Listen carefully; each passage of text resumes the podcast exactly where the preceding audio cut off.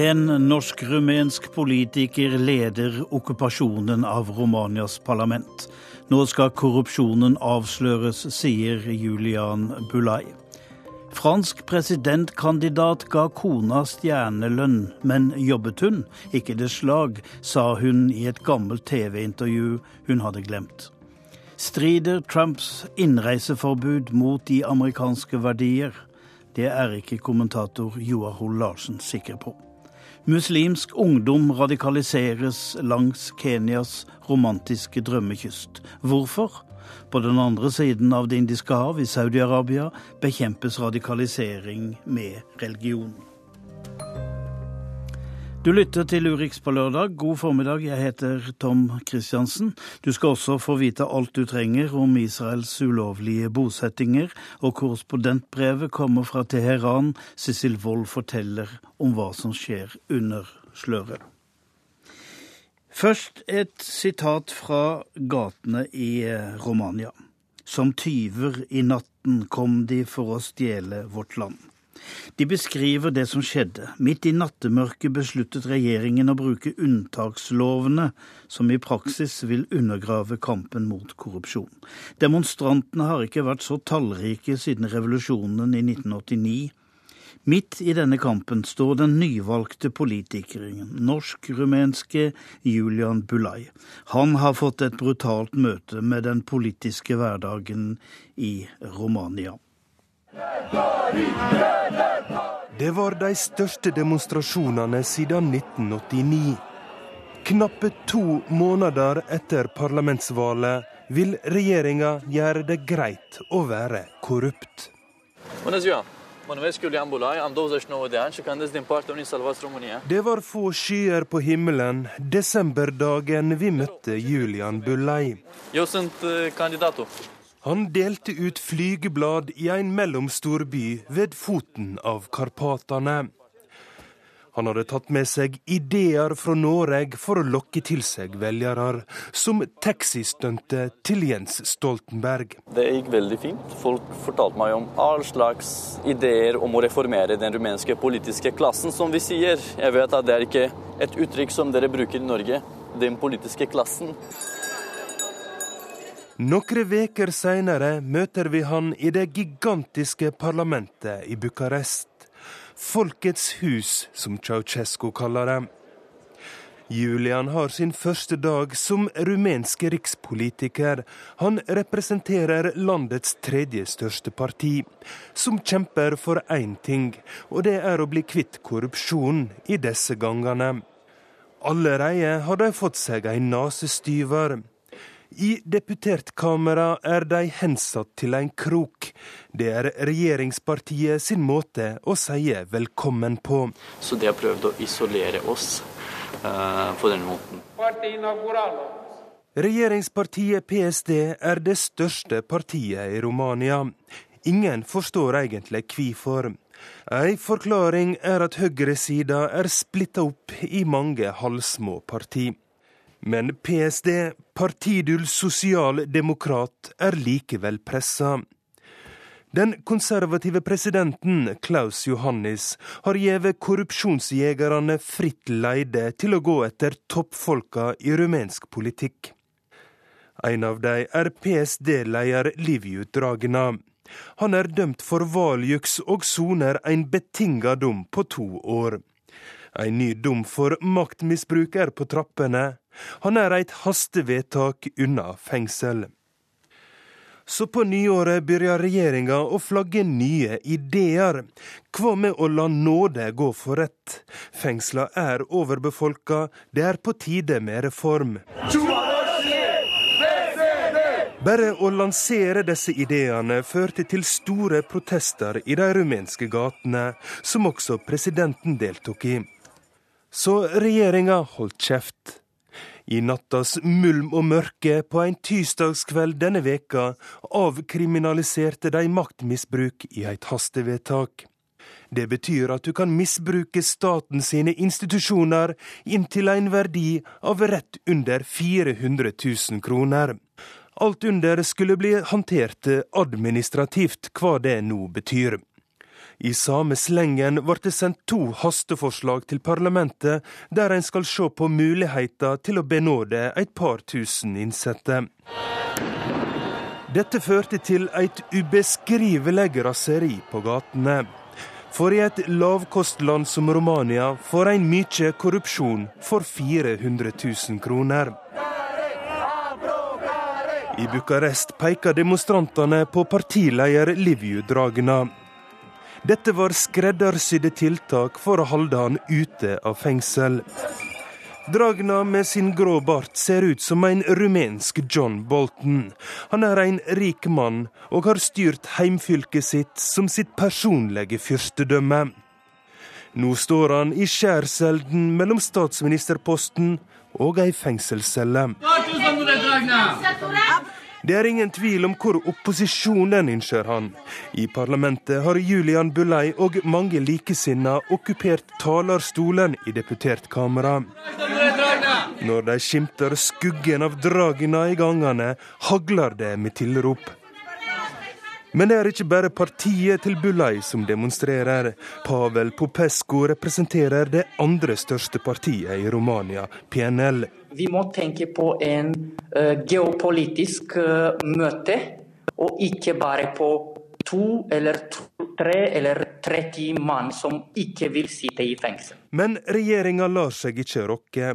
De har i praksis sagt det er greit å stjele så lenge du etterlater noen smuler til nestemann.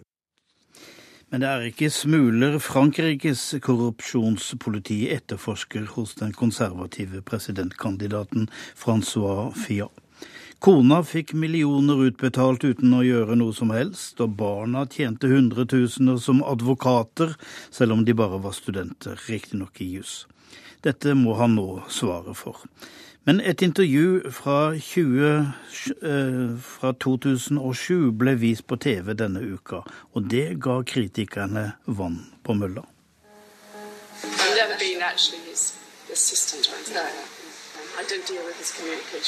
Jeg var aldri hans assistent, sa Penelope Fillon i det ti år gamle intervjuet. De siste dagene har mannen hennes kjempet for å overbevise alle om det stikk motsatte. Son travail est réel, Jobben var reell. Hun har vært min assistent siden mitt første valg på 80-tallet, har Francois Fillon forklart. Torsdag ble deler av det upubliserte videoopptaket vist på TV-kanalen France Deux, og Madame Fillon var krystallklar.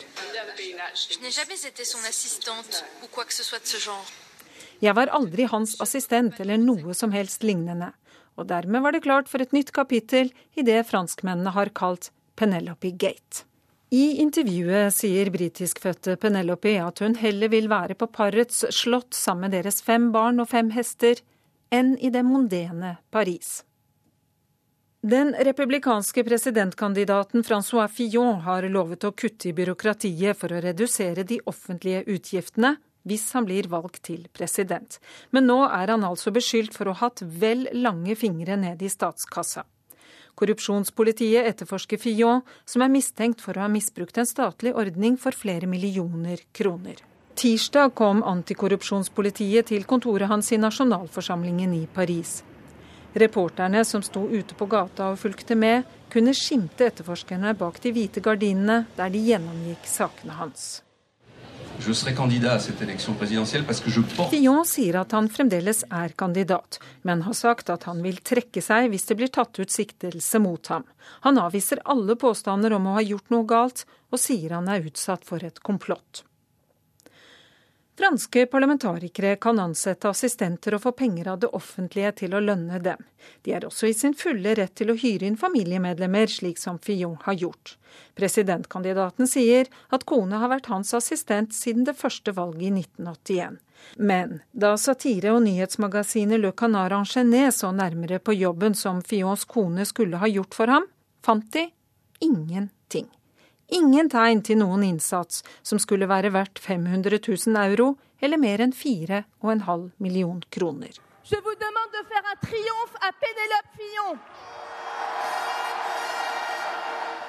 På et partimøte forrige helg ble Penelope, som de kaller henne, rørt til tårer da et samlet parti reiste seg og ga henne stående applaus. Men fra utsiden fortsatte kritikken.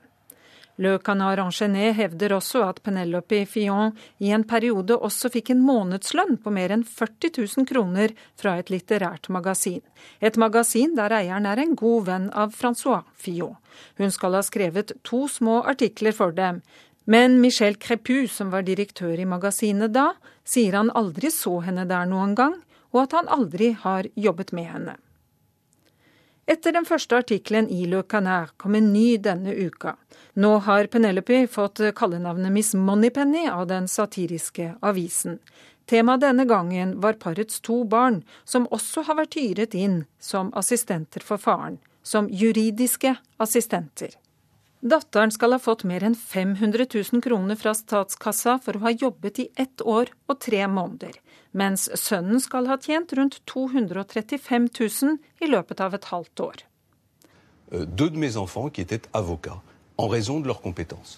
Fillon hevder at de to var kvalifisert for jobben som advokater. Problemet er bare at ingen av dem var ferdige med jusstudiene da de var ansatt. Og nå blir også disse utbetalingene etterforsket av korrupsjonspolitiet. Livet som fransk parlamentariker byr altså på rause frynsegoder. I en tiårsperiode kunne også de konservative parlamentarikerne sørge for å beholde penger, selv om de ikke hadde greid å bruke opp alt i det romslige budsjettet de hadde. Da førte man bare rett og slett de ubrukte summene over til partigruppa, og så fikk man en tiendedel tilbakeført til seg selv. Ifølge avisa Le Monde skal dette ha kostet franske skattebetalere 10 millioner euro, og her blir nå flere parlamentarikere etterforsket.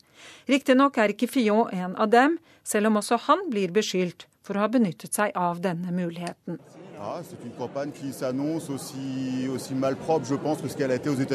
Franske velgere bekymrer seg over den tøffe tonen i valgkampen, og er redde for at de nå får det de kaller amerikanske tilstander. Jamais Aldri har man sett en lignende kampanje i et forsøk på å kvitte seg med en presidentkandidat, freser Francois Fillon. Foreløpig har Fillon falt på meningsmålingene etter at disse beskyldningene ble kjent, og han sier altså at han trekker seg som presidentkandidat hvis det blir tatt ut tiltale mot ham. Hva som skjer da, er høyst usikkert. Franskmenn er vant til at politikerne deres sørger godt for seg selv, og det er kanskje mange da som tenker som 22 år gamle Florian. Han sier at dette er vel slikt som bare alle gjør for å skaffe seg litt penger. Euh, Reporter Marit Kolberg, og før det Roger Severin Bruland om korrupsjonen i Romania.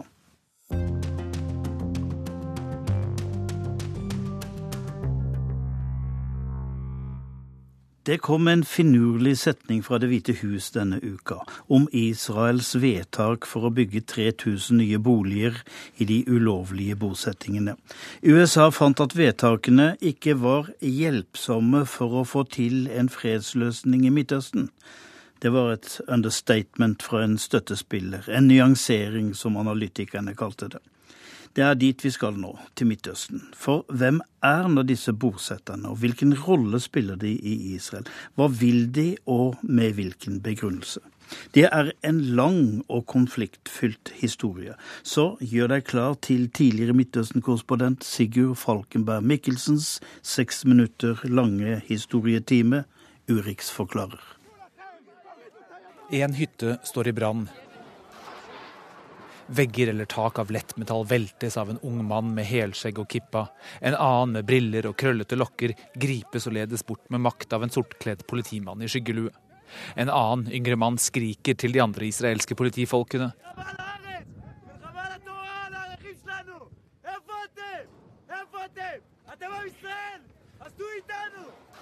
Dette er en krig om land, en krig om verdier. Hvor er dere? Hvor er dere? Dere er israelere, still opp for oss. Vend alt opp ned, nekt ordre. Vær menn. Scenene utspilte seg foran et av de mange TV-kameraene da israelsk politi etter en lang juridisk strid evakuerte den lille utposten Amona denne uka. Høyesterett hadde bestemt at den var oppført på privateid palestinsk land og måtte fjernes. Den skulle ha vært evakuert allerede i desember, det ble utsatt, men denne uka var det ingen vei tilbake. Og med det ble Israel stilt overfor sine egne motsetninger. Vend alt opp ned, nekt ordre, dette er en krig om land, ropte den unge bosetteren til eget politi. Og han er ikke alene om å mene det. Amona er en av om lag 100 såkalte utposter som er bygget siden Oslo-prosessen, av både nye og gamle generasjoner med bosettere. Men de unge er mer radikale enn sine foreldre og kalles Bakketoppungdommen. De holder til ute på den okkuperte Vestbredden, eller Judea og Samaria som de selv kaller det, og ser på seg selv som de som gjennomfører Israels gudgitte rett til dette landet, som altså resten av verden mener er okkupert palestinsk land. Jeg har besøkt mange israelske bosettinger opp gjennom årene, det være seg de i Gaza før de ble evakuert, eller steder som er moderne småbyer og fungerer som forsteder til f.eks. For storbyer som Jerusalem. Som oftest blir man godt mottatt av vanlig middelklasse som ønsker å forklare hvorfor de bor der de gjør. Andre ganger, særlig når man nærmer seg disse utpostene, blir det mer aggressivt. En gang var det til og med tilløp til slagsmål mellom den israelske fotografen jeg jobbet med, og en bosetter. Vi filmet det altså i en olivenlund, der bosetterne gjorde olivenhøsten for de palestinske bøndene vanskelig eller umulig ved bruk av vold. Men alltid har jeg vært litt overrasket over at de fleste er såpass åpne i møte med meg. Dette er jo tross alt noe en hel verden juridisk fordømmer, sist med FN-resolusjon 2334, som sier at bosettingene er alvorlige hindre for en tostatsløsning. Det viser vel egentlig at verken jeg eller omverdenen helt har forstått, eller i hvert fall ikke tatt inn over oss hva dette egentlig dreier seg om. Vi må i første omgang tilbake til 1967 og seksdagerskrigen. Da tok Israel kontroll over Vestbredden, som hadde vært styrt av Jordan, Gazastripen og Sinai-halvøya fra Egypt, samt Golanhøyden fra Syria. Det var en seier ingen i Israel hadde drømt om på forhånd. Det åpnet for nye muligheter og nye konflikter. Grovt sett begynte da to bevegelser. En bygging på okkupert land som staten hadde grep om. Etter Oslo-avtalen i 1993 sluttet de med å erklære helt nye bosettinger, Oslo-avtalen skulle jo være starten på etableringen av en palestinsk stat. Likevel er det bygget veier og mange nye boliger. I 1993 bodde det rundt 116 000 israelere i bosettinger. I dag er tallet nesten 400 000. Og så er det utposter som Amona. De er i motsetning til de andre ulovlige, også i henhold til israelsk lov. Etter seieren i 1967 skyllet en religiøs bølge over deler av befolkningen. De tolket seieren over de arabiske statene som et tegn fra Gud, og av det fulgte det en plikt til å bosette landet, eller kolonisere det om vi skal forholde oss til folkeretten. Men hva er vel folkeretten tolket opp mot Guds ord og tegn? Med det skjøt det vi kaller den religiøse sionismen fart, som disse utpostene springer ut fra. Forfatteren Gershom Gorenberg, som har skrevet flere kritiske bøker om den nye bosetterbevegelsen, forteller om en løpeseddel han en gang fikk utenfor en av disse utpostene. På den var det referert til Moses, som oppfordret de tolv spionene han sendte inn i Kanaan, om å være sterke og ta frukten fra landets midlertidige eiere. Med andre ord, dette er en krig om land, en krig om verdier.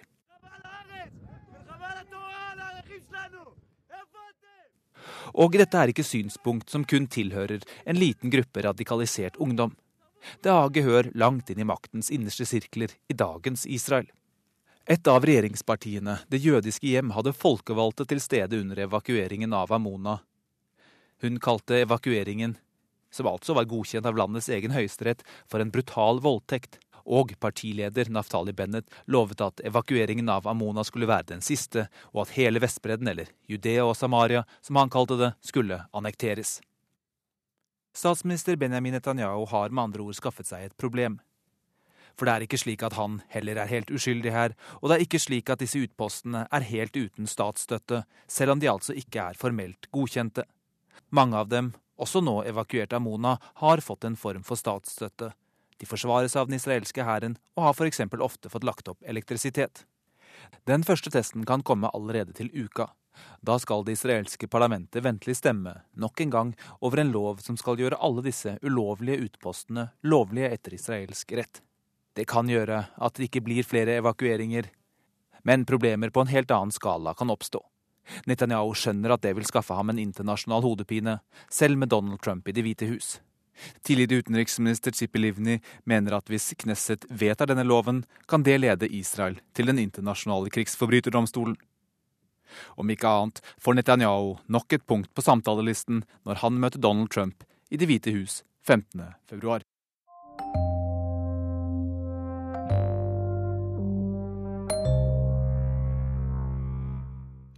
Hvem skal ta ledelsen for det globale klimaarbeidet, nå som USA ledes av klimaskeptikere?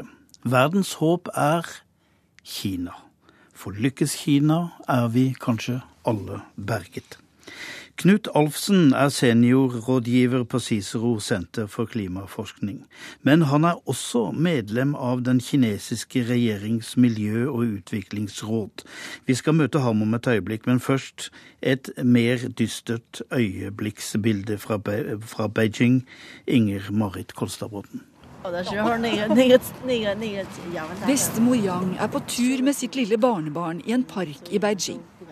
Hun setter forsiktig en ansiktsmaske på guttungen og sørger for at den dekker munnen og nesa godt. Bygningene like bak er så vidt synlige gjennom den grå, giftige lufta.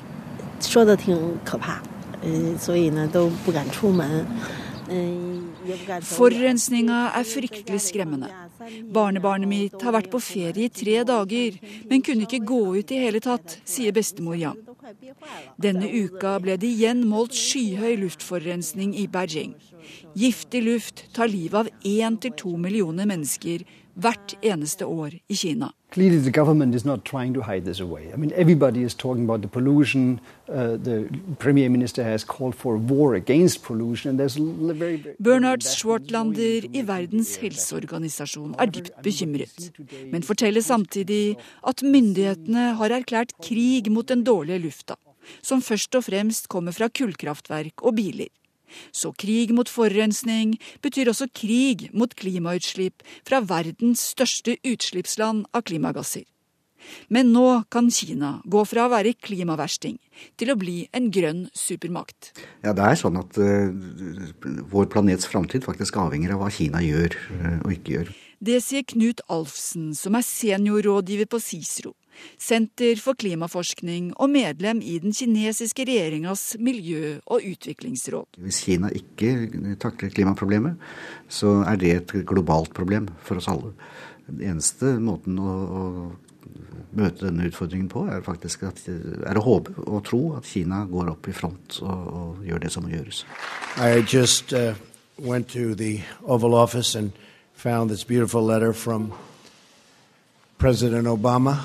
Klimaskeptikeren Donald Trump har flytta inn i Det hvite hus. Han vil trekke USA fra Parisavtalen. Og denne uka var hans tidligere miljørådgiver hos EU i Brussel og omtalte miljøeksperter som urbane imperialister, ifølge nyhetsbyrået Reuters. Hoderystende EU-politikere snur seg nå mot Kina og håper de kan ta lederrollen i internasjonalt klimaarbeid. EU er selv for splitta til å ta en slik rolle, bl.a. pga. brexit. EU er også fragmentert når det gjelder klimapolitikk. De har jo land som er veldig avhengig av kull, som Polen. Så de vil alltid ha en viss intern friksjon i sin klimapolitikk. De har vært ledende gjennom mange år, mange tiår faktisk. Men det er klart at de vil også ønske at Kina trekker mer, eller tar et klarere lederskap i det globale klimapolitikken. In fact, you could say that China has changed now from the factory of the world to the clean tech laboratory of the world.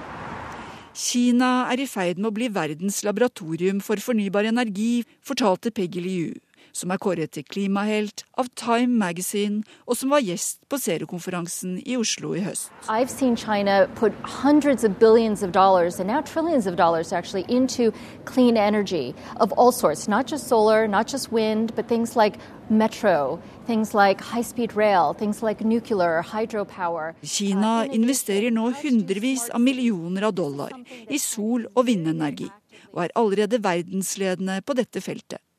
Men mer skal det bli.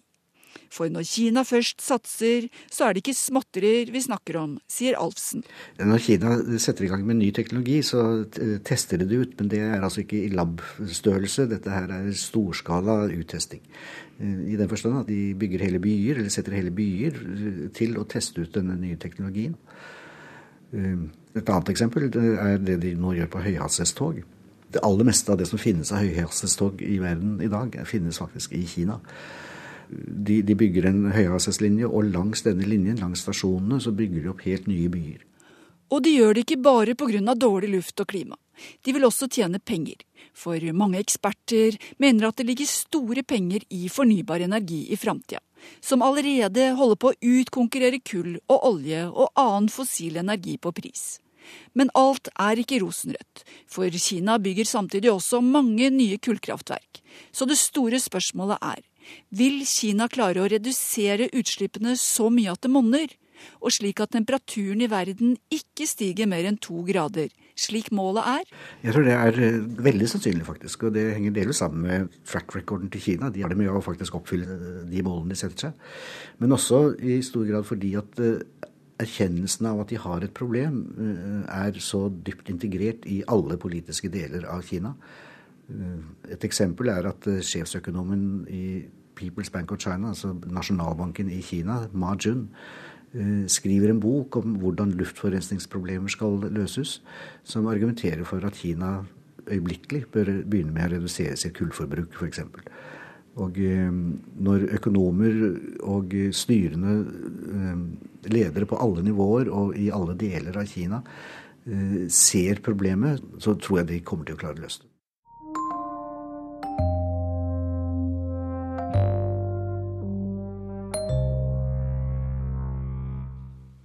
President Donald Trumps innreiseforbud for borgere fra sju muslimske land bryter med alt USA står for. Det har vi hørt denne uka.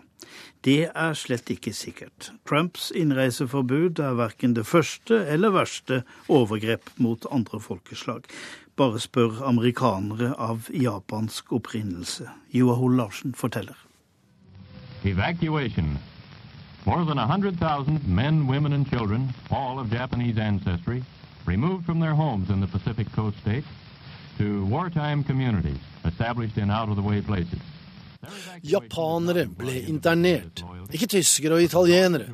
Totalt ble 120 000 av dem amerikanske japanere på stillehavskysten. De ble flyttet mot sin vilje inn i landet til forblåste og isolerte steder. Uutholdelig varme ørkenstrøk eller golde og avsidesliggende sumpområder. Det ifølge lokale amerikanske filmaviser fra den tiden. Arizona, Utah, Idaho, Wyoming, Colorado and Arkansas.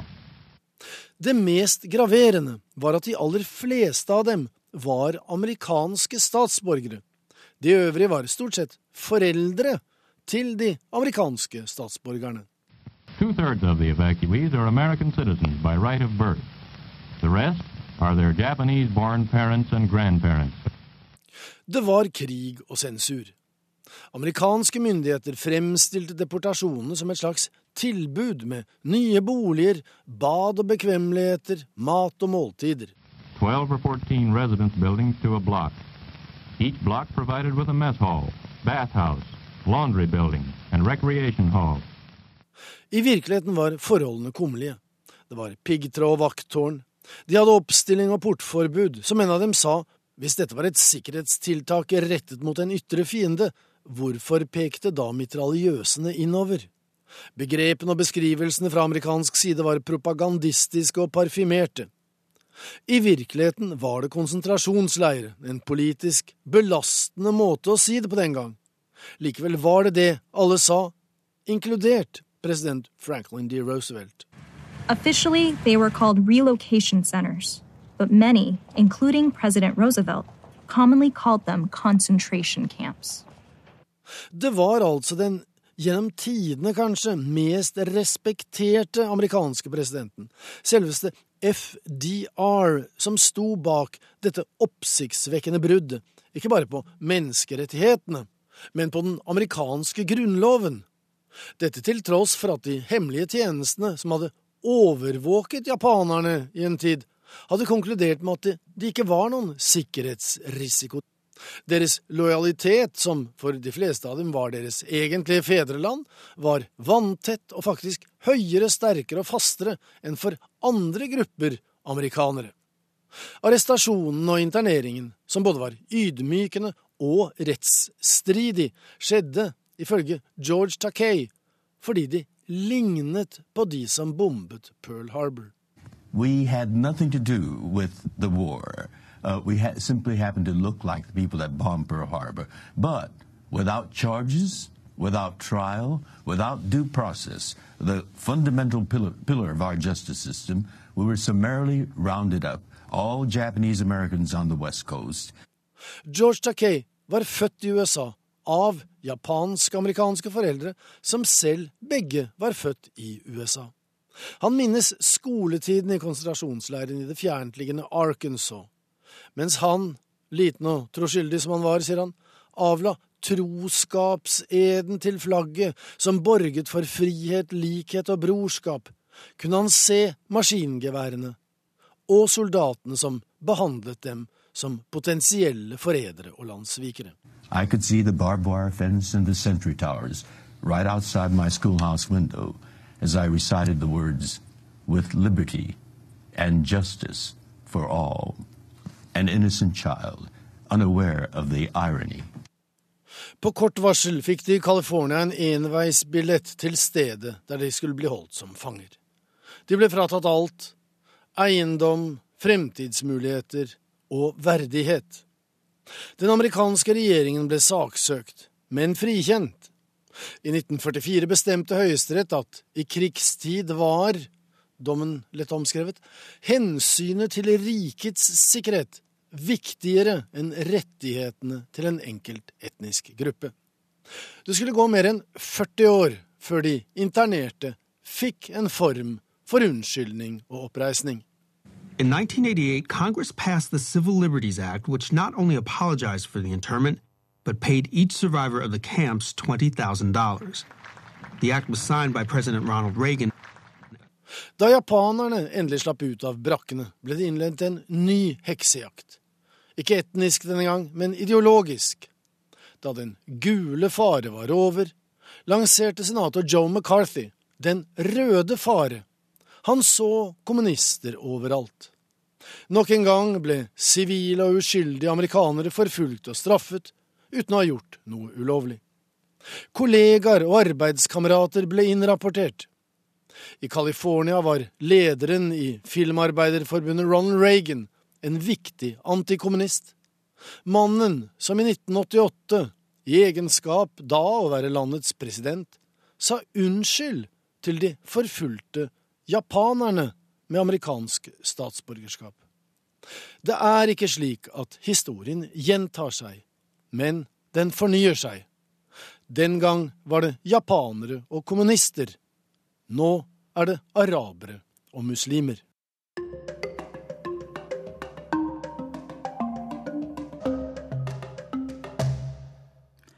Det går ikke så bra med kampen mot terroristene på Afrikas Horn. Al Shabaab herjer i flere land, særlig i Kenya. Det er i Mombasa ved kysten muslimer bor og ungdom radikaliseres. Der får de også hjelp. Muslimer arbeider for menneskerettigheter. Afrikakorrespondent Sverre Tom Radøy dro dit og spurte seg hvorfor finnes det slanger i sydhavsparadiset. Jumbo, bwana,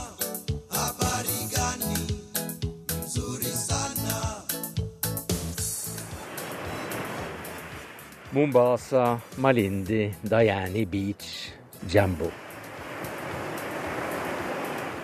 Dovne dønninger mot kritthvit strand Akuna Matata. Utriggerkanoen med latinerseil i soloppgangen og alt det der. Her har vi det bra, vi turister. Strender i verdenstoppen, vannet klart og varmt, solfaktoren er høy, prisene lave og turistene få. For få. Hoteller stenger, titusener mister jobben. Årsaken ligger noen mil nordover i Somalia. Al Shabaab angriper også mål i Kenya, og noen av terroristene er herfra. Hva i all verden er det som gjør at noen ungdommer fra sydhavsparadiset velger å bli med de voldelige islamistene? Det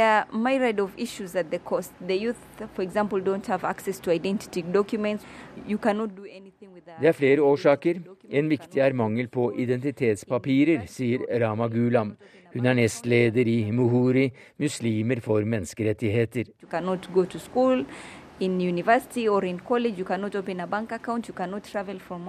Hvis du ikke har ID-papirene i orden, så kan du ikke studere, eie land, reise og åpne en bankkonto, sier Gulam. Hun er tobarnsmor med mastergrad i økonomi og en såpass konservativ muslim at det å håndhilse på en mannlig journalist fra NRK, ja, det er uaktuelt. Det er bare sånn, sier hun, etter at jeg trakk hånda litt beskjemmet tilbake. Mohoris hovedkvarter ligger her i Mombasa, ved Det indiske hav, 50 mil fra hovedstaden Nairobi. Men avstanden til maktsenteret virker mye større for folk her, sier Gulam. Hit til kontorene i tredje etasje kommer menn med merker etter tortur, sier hun, mødre som ikke har sett sønnene siden sikkerhetspolitiet hentet dem, familier som har mistet eiendommen de har eid i generasjoner, men som noen fra Nairobi har overtatt med korrupte byråkraters velsignelse. Og hit kommer unge muslimer for å klage over manglende identitetspapirer.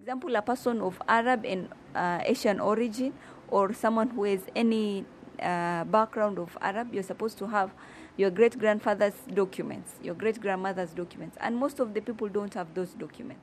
Har du arabiske, asiatiske eller somalske foreldre, må du legge dokumentene til oldeforeldrene dine på bordet. Hvis ikke så får du ikke ID-papirer du heller. Men de gamle papirene kan jo være forsvunnet, og slik blir generasjoner nektet muligheten til å studere, eie land, reise, komme seg opp og fram for å skaffe seg og sine et bedre liv enn generasjonen før. There, torture, beating, village, like it? Muslimer i Kenya utgjør 10 av befolkningen. De som bor her ved kysten og langs grensen mot Somalia, føler seg marginalisert, sier Rama Gulam høy arbeidsledighet, dårligere skole- og helsetilbud, og dessuten blir de mistenkeliggjort som potensielle fiender. De må finne seg i å bli trakassert av politiet, sier hun. The police harassment, the people who disappear every day, those are, are making people feel like what the government is doing is not right. Ungdom som urettmessig anklages og straffes for å sympatisere med Al Shabaab, blir lettere selv radikalisert, sier Gulam. Tortur og forsvinninger er et stort problem, sier hun. Myndighetene avviser det. Gulam sier mange her føler seg utenfor det nasjonale fellesskapet. Oh, if you join this group, you're going to uh, get a thousand uh, virgins when you go when you die and go to heaven. So yes, religious can be, and it is, but at a very very low extent. Noen lokkes med løfter om at jomfruer venter i himmelen på falne krigere, sier Gulam, men understreker at i en undersøkelse de selv har gjort, så scorer religiøs overbevisning lavest av alle faktorene som dytter og lokker ungdom inn i Al Shabaab. Så peker hun på den andre siden av veien mot turisthotellene. De eies ikke av folk fra kysten, men av utlendinger og pengefolk fra Nairobi almost 100% of the employees are not locals.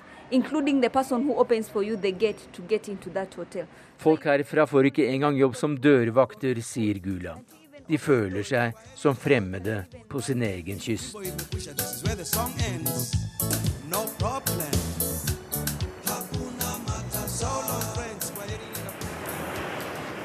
På den andre siden av dette indiske hav ligger Saudi-Arabia, jevnlig anklaget for å spre ekstremisme.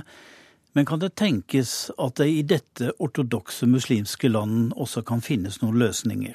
I hovedstaden Riyadh fant vår korrespondent Kristin Solberg Sakina-kampanjen.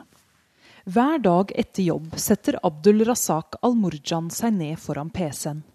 Til langt på natt søker han i sosiale medier, men ikke for underholdning. For Murjan er dette blodig alvor. Eller sagt på annet vis et forsøk på å unngå at det blir blodig alvor. Murjan leter etter ekstremister og deres støttespillere, i den viten om at sosiale medier er der unge mennesker ofte radikaliseres. Most of them actually recruited by internet and social media. That's what's the threats coming from. That's coming from the social media and internet. Sosiale medier lar alle være en aktør, sier han, og man trenger ikke mer enn en profil på Twitter for å rekruttere til ekstreme grupper som IS.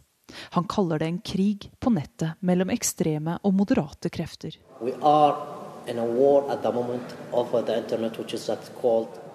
Jeg møter Murjan i en hotellobby i Saudi-Arabias hovedstad Riyadh.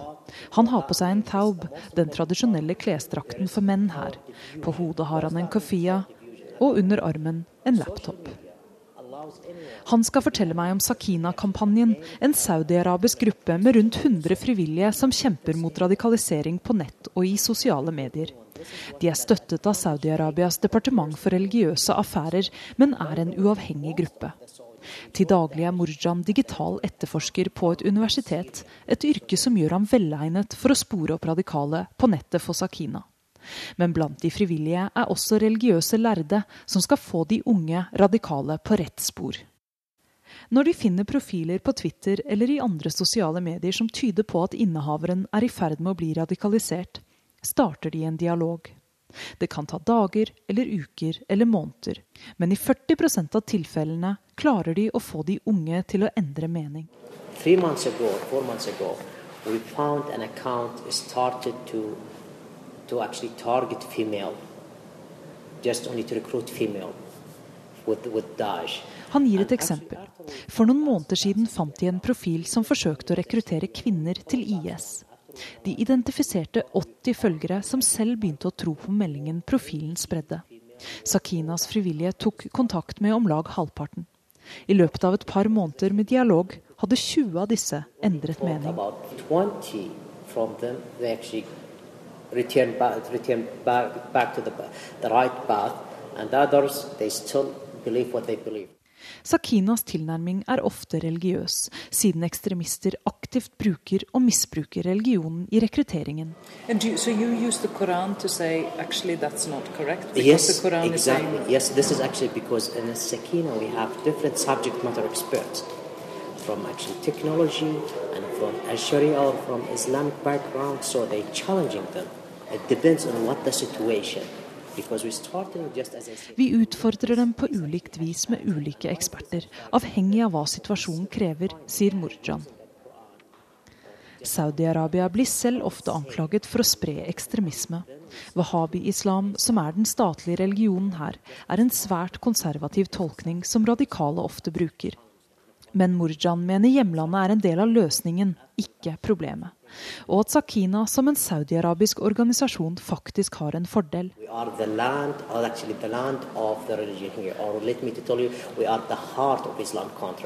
So that's actually going us a power, soft power vi er hjertet av islam her i Saudi-Arabia. Det betyr at vi har mye vi skulle ha sagt, sier han.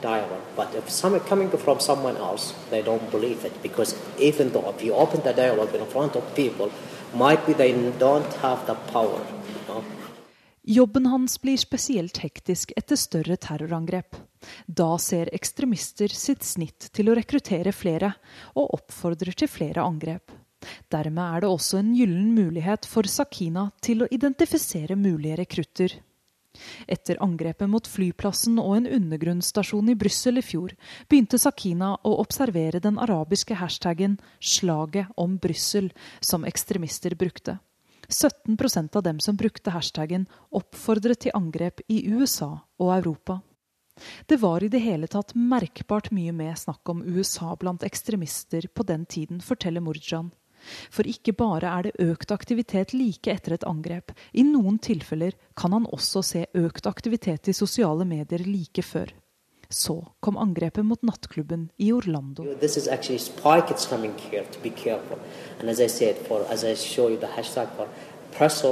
just only they said about United States. It's the next is United States. The next is the United States. That's exactly what happened. Then it was Orlando. Orlando. That's the next one. Men nå, nå er det heldigvis stillere enn vanlig på nettet. Så er det bare å håpe at det er en god indikasjon.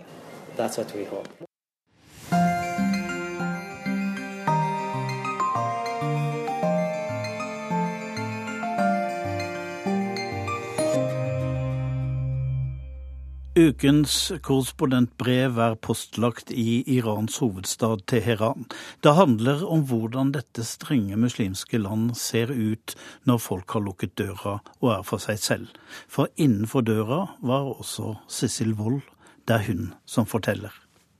Tror du vi har kommet til riktig sted? spurte jeg Gunnar. Tja, dette ser jo mer ut som en privat boligblokk enn et hotell, svarte min kollega. Fotograf Gunnar Bratthammer og jeg bar bagasjen inn i bygningen, som verken hadde skilt eller navn, men som var en bygård av det fornemme slaget helt nord i Teheran.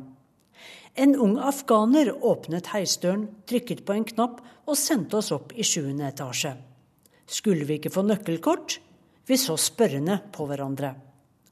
Da heisdørene åpnet seg, ble vi møtt av et smilende iransk ektepar. Var vi kommet inn i et privat hjem? Velkommen til oss, vi er Jawad og Leila, sa de nesten i kor. Han i jeans og en stilig skjorte, hun i trange, mørke bukser og en oransje overdel. Det lange, brune håret hennes var ikke dekket til. Vi var definitivt hjemme i stua deres. Vi har ventet på dere, sa Leila vennlig. Jawad gikk foran og viste oss til hvert vårt rom. Her skal dere bo, og på gangen har dere bad og toalett. Skulle jeg dele bad med min kollega Gunnar? Riktignok kjenner vi hverandre godt, men vi trenger ikke å ha tannbørstene ved siden av hverandre, tenkte vi begge to. Vi har det så hyggelig her, alle gjestene er sammen hele tiden, ja, de elsker dette stedet, la Leila entusiastisk til. Ja, mange vil ikke reise herfra engang, supplerte Jawad. Men vi har kommet for å jobbe, vi må ha det stille og være for oss selv, innvendte jeg. Men nå skulle vi altså bo i kollektiv i en snau uke. Skulle ikke jeg få spise i fred mens jeg leste avisen? Jeg grudde meg allerede til frokosten, og den kommer jeg tilbake til. Sitter sjalet mitt riktig nå? Jeg viste meg frem for Afsane, den dyktige tolken jeg har kjent i åtte år. Afsane og jeg var kledd i svart fra topp til tå. Vi var klare for fredagsbønnen. Vi puttet skoene våre oppi hver vår blå pose og vandret inn i de myke teppene i en av Teherans store moskeer. Flere kvinner i svarte sjadorer gikk rundt med store fjærbørster i rosa, gult eller lysegrønt. Tørker de støv på en fredag? spurte jeg. Nei, de er veivisere, forklarte Afsane. Fjærbørstene gav dem autoritet. En guide med rosa børste og matchende rosa hijab under den svarte sjadoren snakket strengt til meg. Håret mitt syntes, det måtte jeg gjøre noe med. Hundrevis av kvinner i svarte telt fylte opp moskeen. Det ble trangere og trangere rundt oss. En eldre kvinne trillet ut et bønneteppe helt inntil meg, slik folk på en overfylt badestrand legger ut håndklærne sine. Vi knuffet litt, hun og jeg, men til slutt ble vi enige om fordelingen av plassen. På bønneteppet la sidekvinnen en firkantet sten og to broderte servietter. Nå kunne bønnen bare begynne. Mot slutten av bønnen reiste de fleste kvinnene seg opp. Det var som å være omringet av en vegg av sjadorer, farget i skalaen fra lys blomstret til mørkere mønstret og til svart. For en annerledes verden. Kontrasten kunne ikke ha vært større til Jawad og Leilas elegante borgerlige hjem. Stuen var dominert av en gedigen oransje sofagruppe foran en flatskjerm der nyheter fra CNN flimret forbi. Hvordan har dagen din vært? spurte Leila fra sofaen som en omsorgsfull mor. Jeg kom nettopp fra fredagsbønnen, svarte jeg. Gikk du på fredagsbønnen? Leila så undrende på meg. For Leila var moskeer og fredagsbønn et temmelig fremmed landskap. Men vi ville filme, og jeg liker alltid å se hvordan ting foregår på nært hold. Nå er det bare å hoppe i det, tenkte jeg den første morgenen i vårt litt uvanlige hotell. Fellesfrokost rundt spisebordet til tolv personer ventet. Der satt tre italienere fra et oljeselskap, en sveitser fra en internasjonal bank og en canadier som jobbet i et finansselskap i Dubai. Jeg hadde ikke drukket mye av teen før jeg oppdaget at de var meget interessante samtalepartnere. Alle var her for å kunne komme seg inn i det iranske markedet nå som sanksjonene sakte skal heves. Her var det jo bare å hente inn verdifull bakgrunnsinformasjon. Etter hvert kom Gunnar og satte tallerkenen på bordet ned ved siden av meg. Han sendte meg et blikk som sa Nå, hvordan går det? Dette stedet er fantastisk, jeg elsker det, mumlet jeg ut av munnviken mens jeg fortsatte diskusjonen om hvordan det amerikanske banksystemet presser europeiske banker til ikke å åpne for transaksjoner med iranske banker. Jawad og Laila solgte et sosialt fellesskap. Businessmenn som er lei upersonlige hotellrom, elsker dette stedet. De har et hjem i Teheran. Og hver dag sto jeg opp tidlig for å få mest mulig tid ved frokostbordet. Og hver morgen gikk jeg også forbi finansmannen fra Canada som sto i joggebukse og trøye og strøk den hvite skjorten sin på gangen utenfor våre rom. Som på studentbyen, tenkte jeg. En morgen satt italienerne og spiste iransk brød med honning mens de forberedte seg til sluttforhandlingene om en stor oljekontrakt. Hva gjorde du i går? spurte en av finansmennene. Vi besøkte en martyrfamilie fra revolusjonsgarden, fortalte jeg. Både enken, Masume og sønnene virket glade for at faren hadde fått det slik han ønsket da han møtte martyrdøden i Syria. Jeg hadde intervjuet mange martyrfamilier, fortalte jeg mens jeg hentet mer te. De fleste var palestinske som hadde en selvmordsbomber i familien. Men denne iranske familien var så annerledes. Enken og sønnene var så rolige. Og da yngstesønnen på 15 år sa i intervjuet at han også gjerne ville bli martyr, smilte moren stolt. Jeg fortalte hvordan jeg hadde spurt enken om hvorfor hun ikke var i dyp sorg etter at mannen hennes ble drept av Al-Nusra-fronten. Sannsynligvis ble han halshugget. Svaret finner du i Koranen, svarte hun hver gang jeg spurte om hvorfor. Rundt bordet satt trioen fra det italienske oljeselskapet og så ned i tallerkenene. Dette var temmelig fjernt fra deres miljø i den iranske oljebransjen. Hvordan er det mulig, spurte Leila, er disse folkene helt hjernevasket? Troen deres gjør det jo lettere for dem å takle døden, innvendte jeg. Kanskje er det bare oss moderne, sekulære mennesker som ikke helt greier å akseptere døden. For å slå seg til ro med at Allah har bestemt alt, det tar jo bort den verste smerten og sorgen, gjør det ikke? Jeg lot spørsmålet henge i lufta, mens italienerne taust reiste seg, gikk fra bordet og til forhandlingene.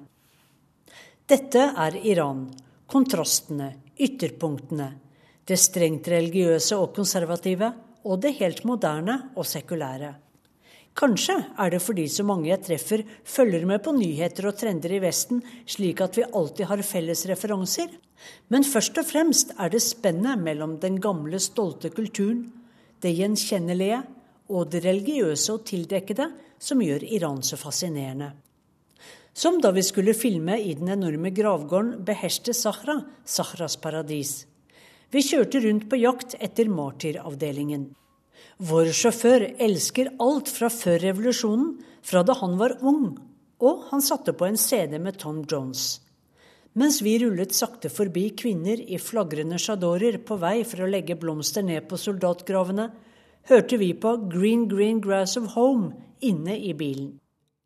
Iranerne lever ett liv ute og et annet inne. Under sjalene finner vi blomsterbarn som kunstneren Mariam Mahdavi, som har farget håret blått. Hun protesterer mot de svarte plaggene med å designe fargerike klær. Mange av kundene hennes er homofile menn som vil imponere på Teherans storslagne fester, som absolutt foregår bak lukkede dører. Slå dere ned, lat som om dere er hjemme, sa Mariam med sin hese røykestemme da vi skulle intervjue henne. Vi dro av oss skjerfene, Afsane og jeg. Hva, så langt håret ditt er blitt? utbrøt jeg da jeg så Afsanes lange flette. Sist jeg så håret ditt, var det helt kort. Jeg hadde ikke sett håret til Afsane siden 2009, da jeg besøkte henne hjemme. For vi er alltid på jobb sammen ute, med sjal. What would you like to drink, sir? spurte purseren på flyet fra Teheran til Istanbul.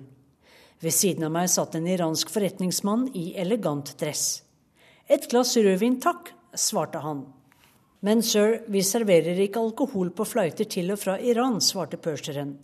Mannen bestilte juice og satte på en film. Jeg satte på Legenden om Tarzan på min skjerm. Med ett ble underholdningen avbrutt av et bønnerop som lød gjennom hele flykabinen. Tarzan forsvant da korantekstene rullet over samtlige skjermer i flyet på engelsk, arabisk og tyrkisk. Allah, gjør reisen lettere for oss og gjør avstandene nærere for oss, var budskapet.